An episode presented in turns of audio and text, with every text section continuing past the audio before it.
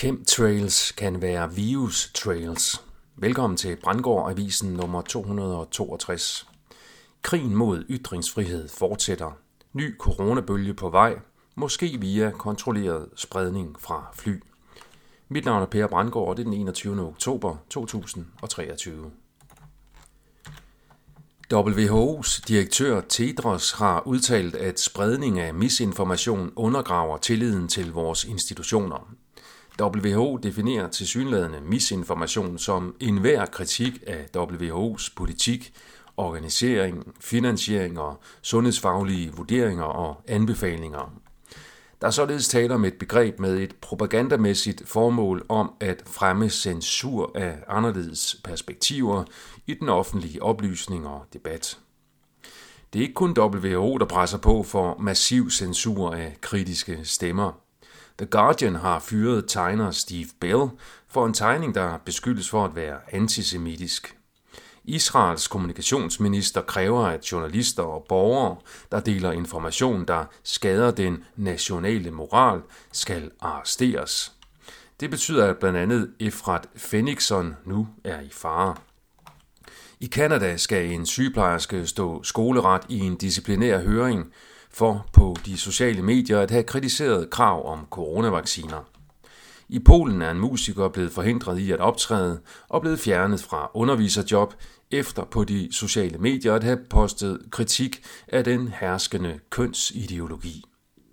Der er nye censur- og cancel-sager fra rundt omkring i verden hver dag, som den regeringsfinansierede hovedstrømspresse ignorerer fuldstændigt.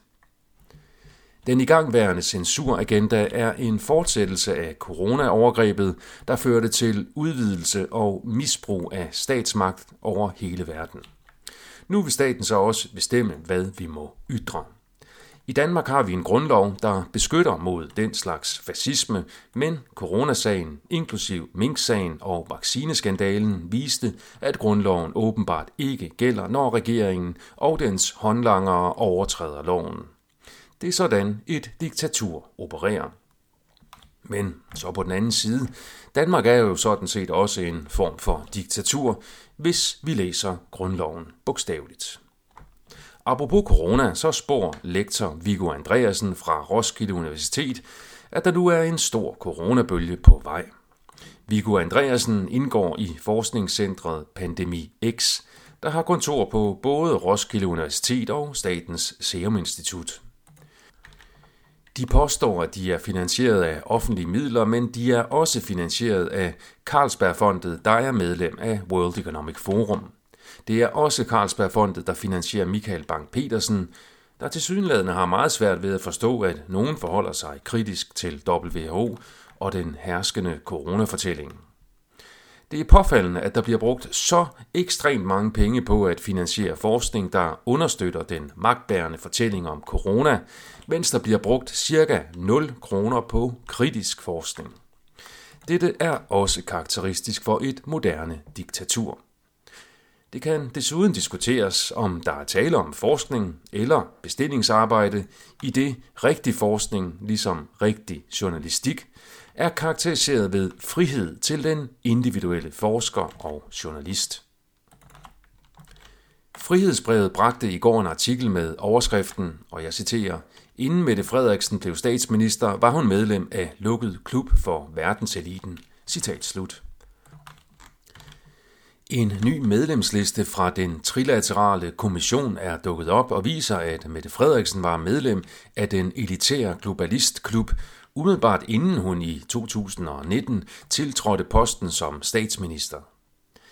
Alex Van Opslag fra Liberal Alliance er pt. medlem af den trilaterale kommission, hvilket kan forklare flere af hans politiske udmeldinger her på det sidste, som må betegnes som mere elitære end liberale.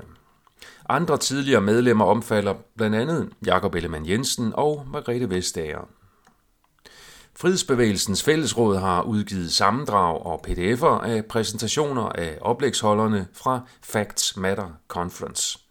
Her såede den pensionerede overlæge i immunologi Kim Warming tvivl om, hvordan det nye coronavirus egentlig blev spredt, da viruset blandt andet er fundet i mange kilometers højde hvilket kan tyde på, at der er sket en kontrolleret spredning. Det giver også et nyt perspektiv på chemtrails, da der måske også kan være tale om virus trails. Det er et emne, der kræver mere forskning, finansieret af penge, der ikke bliver bevilget, så længe mørkets kræfter dominerer sindene hos magtens top.